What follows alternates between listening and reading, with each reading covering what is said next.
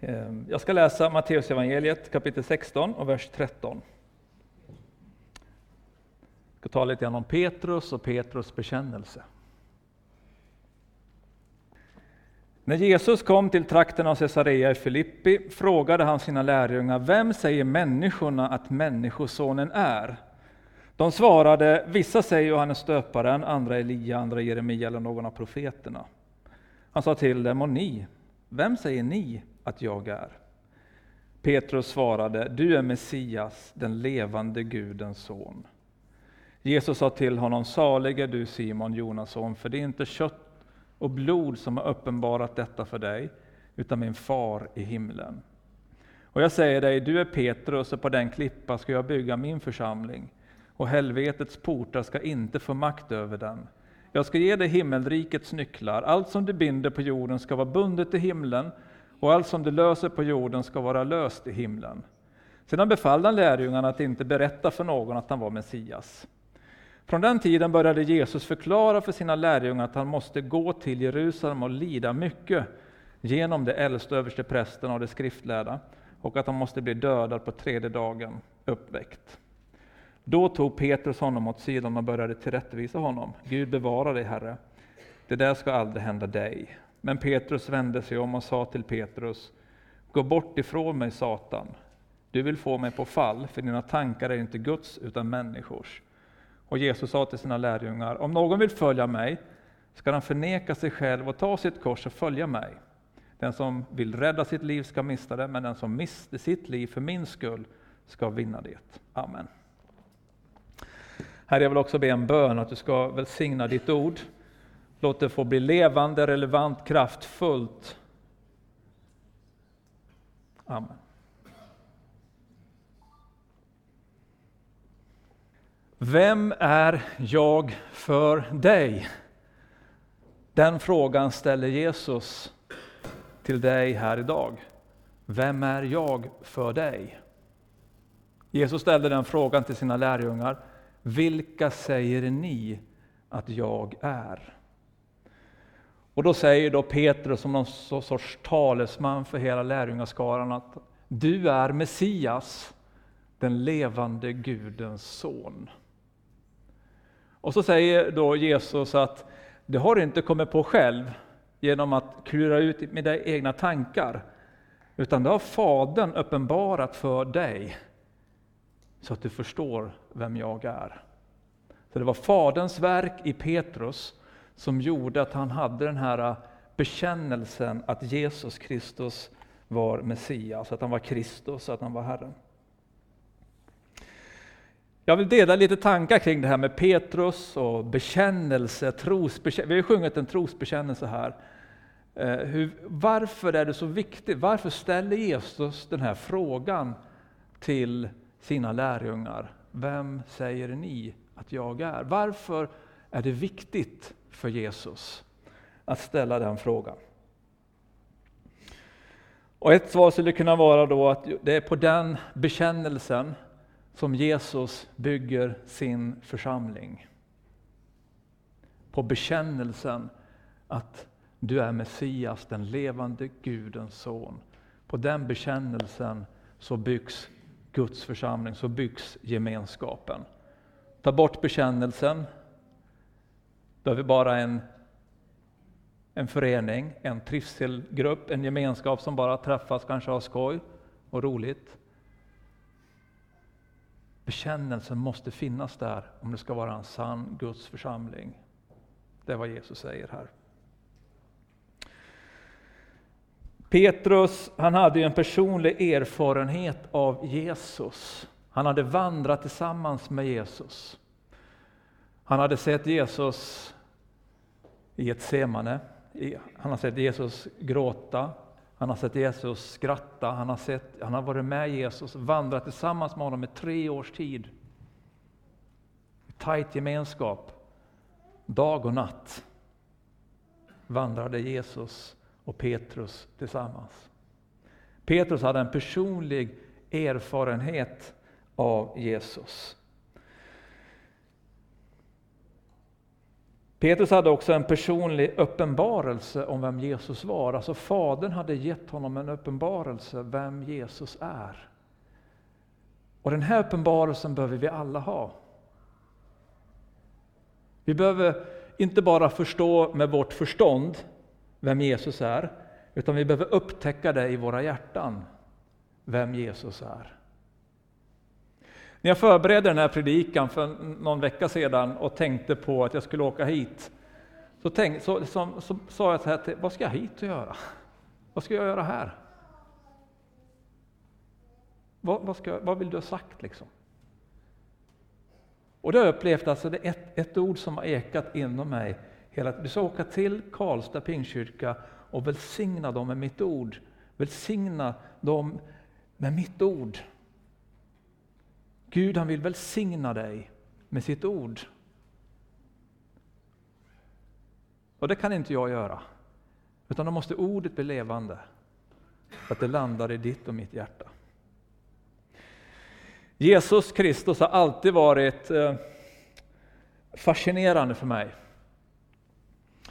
Det har alltid varit en, eh,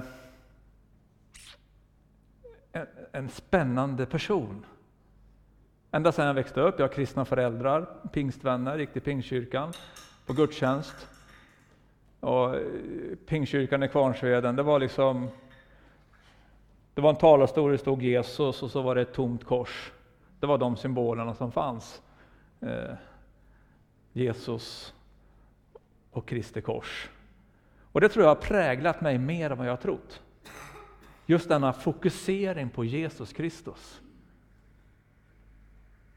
En annan sak som jag tror kan ha präglat min, min eh, syn på Jesus och att jag har ett sådant hjärta som passion för personen Jesus, det tror jag är att jag lyssnade på jättemycket om, på Jerusalem när jag var yngre. Någon som har lyssnat på Jerusalem?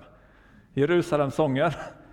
Fantastiska sånger, framförallt de tre första skivorna. Det är så Jesus-centrerade sånger. Och det har nog präglat mig mer än vad jag har trott. Om min bild av vem Jesus är. Och vad Jesus betyder och vad Jesus har gjort för mig.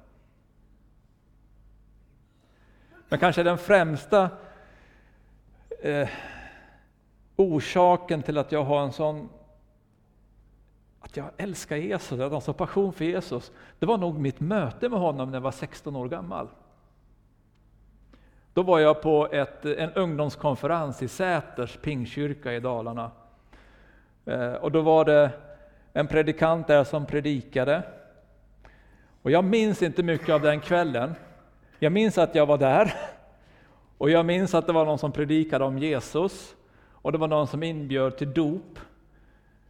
Men eh, jag minns inte hur jag kom dit, jag minns inte vilka kompisar jag hade. Liksom, jag minns, det enda jag minns att det var jag och bara Jesus den kvällen. Det var bara jag och Jesus.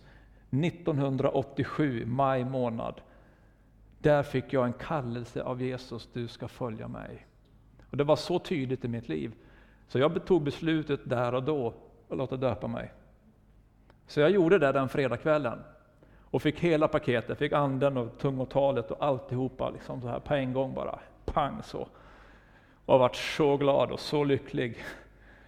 Och jag, det jag minns också då när jag kommer hem, klockan är kanske tre på natten, och jag väcker mina föräldrar, knackar på dörren och ropar upp, nu har det hänt något fantastiskt i mitt liv. Och de är yrvakna och sätter sig upp bara, vad är det som har hänt liksom? Jag döpte mig i, ikväll, eller igår då.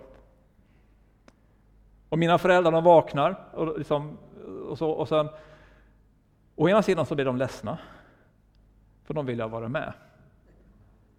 Å andra sidan så blir de glada, för jag gjorde inte det för deras skull, utan han gjorde det för att Jesus kallade mig. Så det var ett personligt beslut jag tog. Jag bearbetade mitt dop efteråt jättemycket. Jag har åkt till, till Pingkyrkan i, i, i Säter och pratat med pastorn som jag haft dopsamtal med tydligen. Som jag inte riktigt minns, men jag hade det.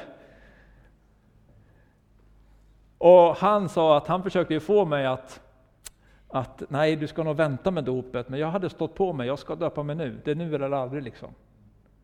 Det var då det jag ville bli döpt. Jesus kallade mig och när det var dop så sa han att jag ska döpa mig nu. Ja, det var en fantastisk, men det var, jag minns inte, det var bara jag och Jesus. Och jag älskar den stunden. Och det är många år sedan nu. Men det är som igår.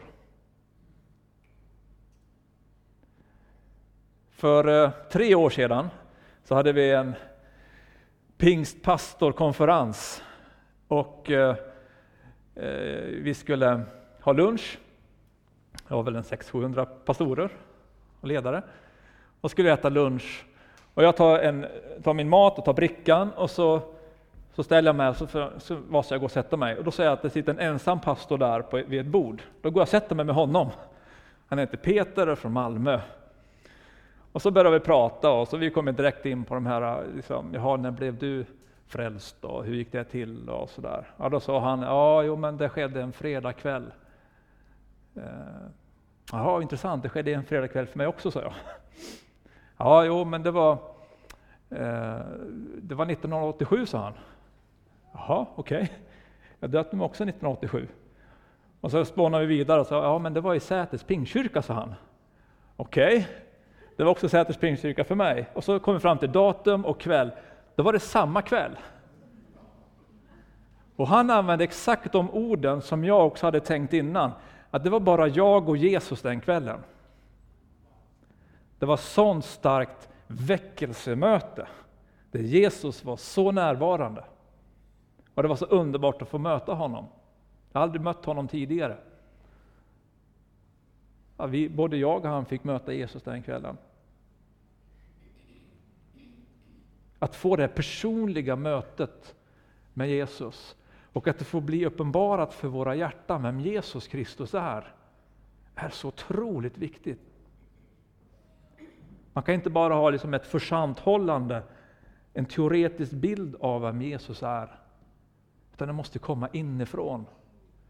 Jag brukar säga så i Karlskoga pingst, att hur blir man frälst? Jo, man ska ha hjärtats tro, man ska ha munnens bekännelse. Att Jesus Kristus är Herren, att han är stånden från de döda. Det räcker. Det är en enkel tro på Jesus. Och har man den tron, då ska man begära att man ska låta döpa sig. I morse eh, på förmiddagen så hade vi dop i kyrkan, vi döpte fem stycken. Helt fantastiskt.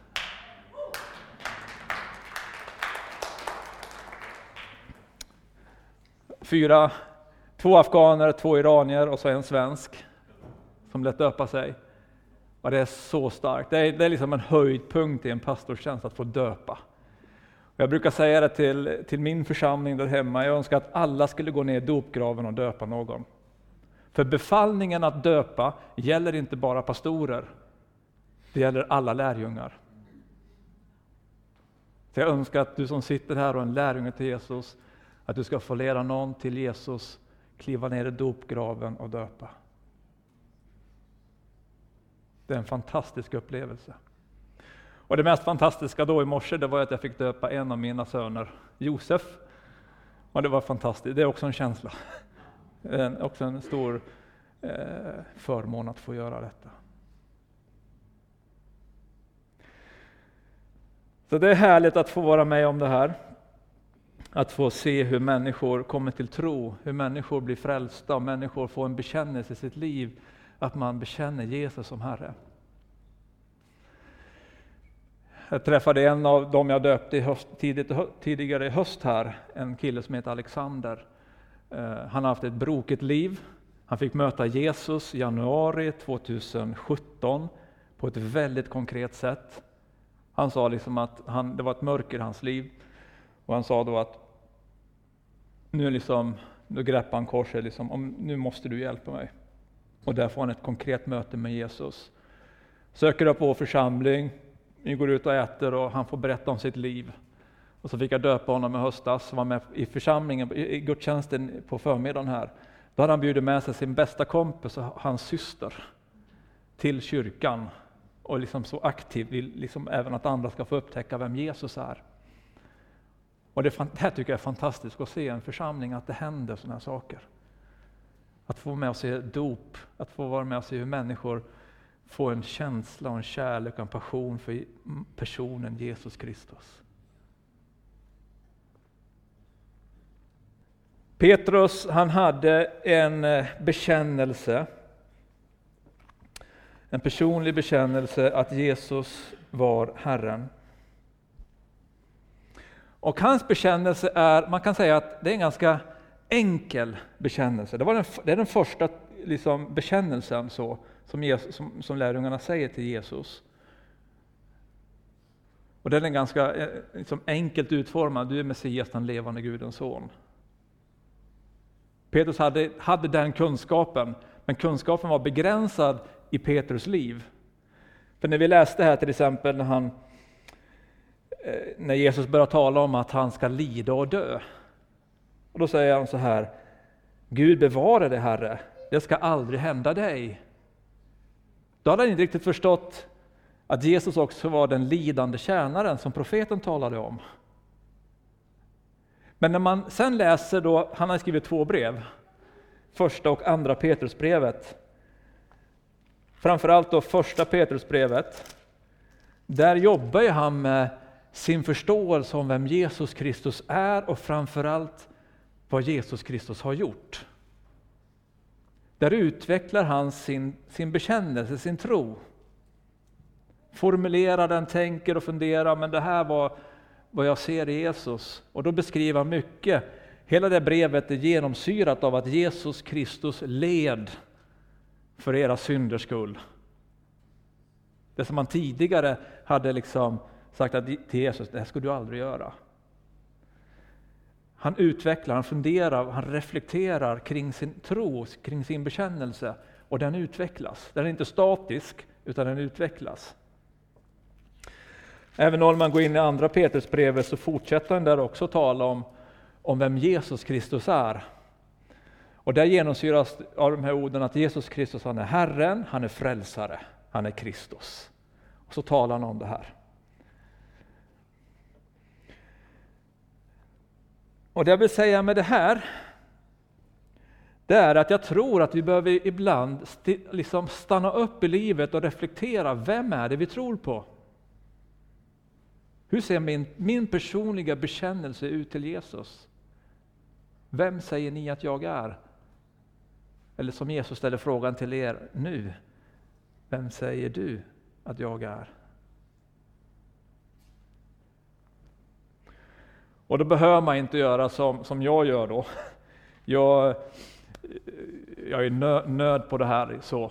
Eh, jag läser just nu två stycken doktorsavhandlingar på engelska som är 500 sidor tjocka, som beskriver om som hur, hur synen på Jesus utvecklas i traditionen ifrån 100-talet fram till pingströrelsen på 1900-talet. Och jag tycker det är så fascinerande. Det är som att se en spännande film. Hur ska de få till det här? Jag kommer nu till, till 100, år 150 och sen liksom hur, hur de har olika samlingar och, och de formulerar kristologin, alltså läran om Kristus. Och det gjorde de inte för att de tyckte att det var roligt och spännande på den tiden, utan man gjorde ju det därför att det fanns felaktiga uppfattningar om vem Jesus var. Det var de som förnekade att han var Gud, det var de som förnekade att han var människa. Och då, och då kände ju kyrkan, här måste vi fundera till, vad är det, vår syn på Jesus egentligen? Och man gör det självklart utifrån skriften. då. Och det här tycker jag är fascinerande. Och det här begär, jag tror inte Gud begär att vi ska läsa sådana avhandlingar. Det har vi olika intressen för i livet. Men ibland tror jag att det är viktigt att vi stannar upp. Jag var på min första retreat här i höstas, på Bjärka Säby, fyra dagar. Jag har aldrig varit på det tidigare, men det var en ny erfarenhet. I tystnad fyra dagar. Men det var så bra, så, så nödvändigt för mig att liksom få stilla ner mig bearbeta en text, jobba med min relation med Gud. Jag tror att det är jätteviktigt det där. Jag tror också det är viktigt med, med alltså inom pingströrelsen har vi varit lite så här negativa till eh, skrivna böner eller skrivna trosbekännelser. Vi har sagt liksom att Bibeln räcker. Har ni hört det någon gång? Jag tror det var Petrus som, som drev den tesen. Jag har reflekterat det där kring det. Stämmer det verkligen? Jag menar, vi har ju segertoner. Segertoner är fulla av böner. Segertoner är fulla av skrivna trosbekännelser. Skillnaden är att vi sätter ton och musik till det. Då är det, det är okej. Okay. Men ska vi läsa, då är det inte riktigt okej. Okay. Men vi behöver, jag tror att jag tror att det är viktigt att vi funderar igenom personligen, men också i gemenskapen, att vi jobbar med de här frågorna. Därför att vi utmatas ständigt utifrån. Ta bara nu det senaste, senaste exemplet där Migrationsverket säger att islam och kristendomen har samma Gud. Och det stämmer ju inte överhuvudtaget. Vad är islams bild av Gud? Vad är kristendomens bild av Gud? Synkar de? Det här är en sån här stor fråga som tror jag kommer, som man behöver bearbeta, kanske i en församling. För mig är Jesus Kristus, han är den som har uppenbarat vem Gud är. Och det skulle muslimer aldrig acceptera, att Jesus är Gud. Jag slängde ut det bara så, då får du själv pröva, fundera kring detta. Första Petrusbrevet, andra Petrusbrevet. Jag ska läsa några bibelverser. Kapitel 1 i andra Petrusbrevet och vers 19. Och det här tror jag är ett ord, kanske till någon eller några idag. Och lyssna på det här. Ta till dig det här.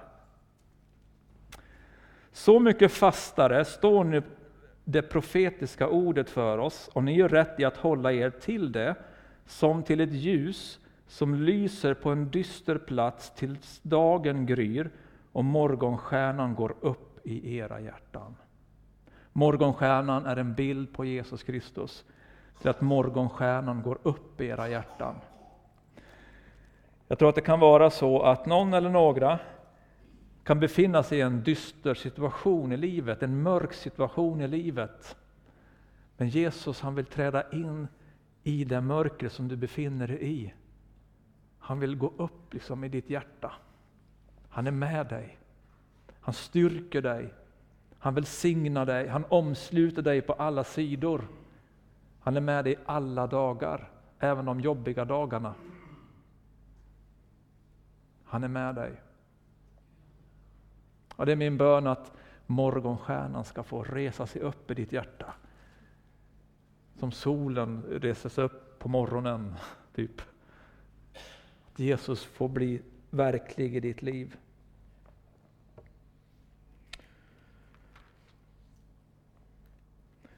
Andra, Korint, andra Petrusbrevet kapitel 3 och vers 18.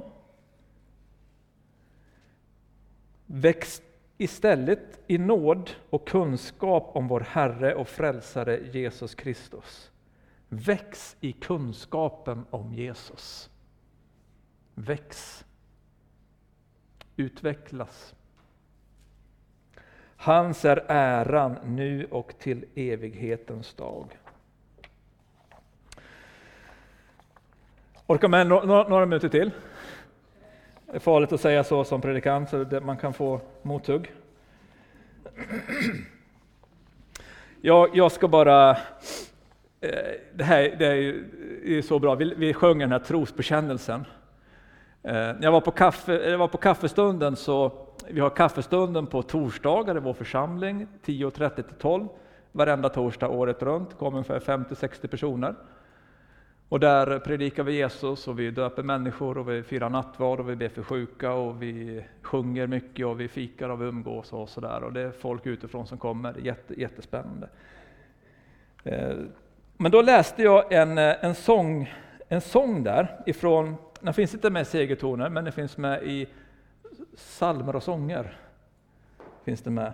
Och den är skriven av en kvinna som heter Elisabeth Kreuser. Hon var gift med en eh, teologieprofessor som heter Kaspar, som var bästa polare med Martin Luther på 1500-talet. Så det är en väldigt gammal sång. Men, och så läste jag den, den sången och varit så välsignad. Jag tänkte jag skulle läsa för dig den här nu. Det är så Jesuscentrerat. Och tänk, tänk också på det vi har sjungit om innan nu, den mer moderna. Så. Vår Herre Krist var sonen hos Gud i evighet, den älskade, fördolde och alltings hemlighet. Nu är han uppenbarad, Guds morgonstjärna, klarast av alla rymdens ljus. Han föddes här på jorden som skriften säger, blev människa vår broder och bar till sist vårt kors. Från fängelset och graven han bröt en väg till Fadern, till salighet och liv. Dig vill vi lära känna och din uppståndelse, dess höjd och djup av kärlek, dess smak av salighet. Ja, må din ande vidga den törst blott du kan stilla som har skapat oss till dig. Och skaparord och Kristus som uppehållit allt, den första och den siste, allt, allt är dig underlagt. Så bjud oss återvända från alla vilsna vägar till dig, vårt sanna hem. Och stöd och förnya i nådens domfred, må din ande styra i kärlek våra steg. Och var vi än må vandra bor vi med längtans tankar i himlen hos dig. Jag kan ju bli supervälsignad när jag läser en sån här, sån här text. Det finns så mycket gott att hämta i en sån här text.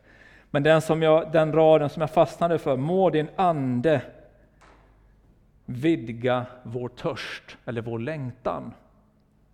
Och det är min bön. Att längtan i mitt hjärta efter Jesus ska bli starkare och starkare och starkare ju, läng- ju, ju äldre jag blir. Och det är den helige Andes verk i våra hjärtan. Alltså längtan efter Jesus, att lära känna Jesus, börjar med att vi får en att det blir den helige Andes verk i våra liv. Ja, men är det det här som är kristendomen? Ja, det är det här som är kristendomen, att leva i relation med Jesus Kristus. Och den helige Ande vill ge oss kraft till att göra detta. Och utifrån den här relationen så kan vi börja tjäna Jesus och lyda Jesus och vandra tillsammans med Jesus. Jesus Kristus som är alfa och omega. Jesus Kristus som är uppstånden för att vara den främste överallt. Jesus Kristus som är och som var och som kommer. Han som är världens frälsare. Han som är liv, världens hopp. Jesus Kristus. Det hon, han tillhör all ära, som Petrus skriver. Jesus Kristus är värd all ära. Det är honom som vi ärar. Det är honom som vi tillber. Det är honom som vi följer. Och vi bekänner att Jesus Kristus, han är sann Gud, han är sann människa, han är världens frälsare, han är Herren, han är den enda frälsaren på jorden. Han är alla tjänare. Åh Jesus, att den här morgonstjärnan får stiga upp i våra hjärtan så att vi får smak efter Jesus. Får smak, en längtan, en hunger efter Jesus. För det är det allting handlar om. Vi är kallade till gemenskap med vår Herre Jesus Kristus, skriver Paulus i ett brev. Och jag kände det, det här som jag tror att jag vill förmedla den här stunden. Det kanske var lite rörigt. Eh, jag brukar säga det i min hemförsamling också att ni kommer inte ihåg mycket det jag predikat om de här åren jag varit här. Men jag skulle, en sak vill jag att ni ska komma ihåg och veta, att när Stefan predikade så handlade det i alla fall om Jesus. Därför att det är om honom allting handlar. Och Jesus Kristus han är här. Han är här för att han vill förlåta dig om du gjort någonting dumt. Han är här för att han vill styrka dig. Han är här för att ge dig kraft. Han är här för att ge dig liv. Han är här. Han vill möta dig idag.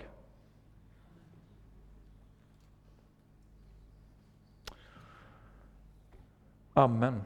Tack för att du har lyssnat. Tack Jesus. Kom helige Ande och vidga hjärtat i våra liv. Så att vi börjar längta mer och mer och mer efter Jesus. Tack Jesus att vi har fått nåden att lära känna dig. Vi upphöjer dig, vi ärar dig. Vi bekänner att du är Messias, den levande Gudens son, du är Herre och Frälsare. Du är vår Herre och Frälsare.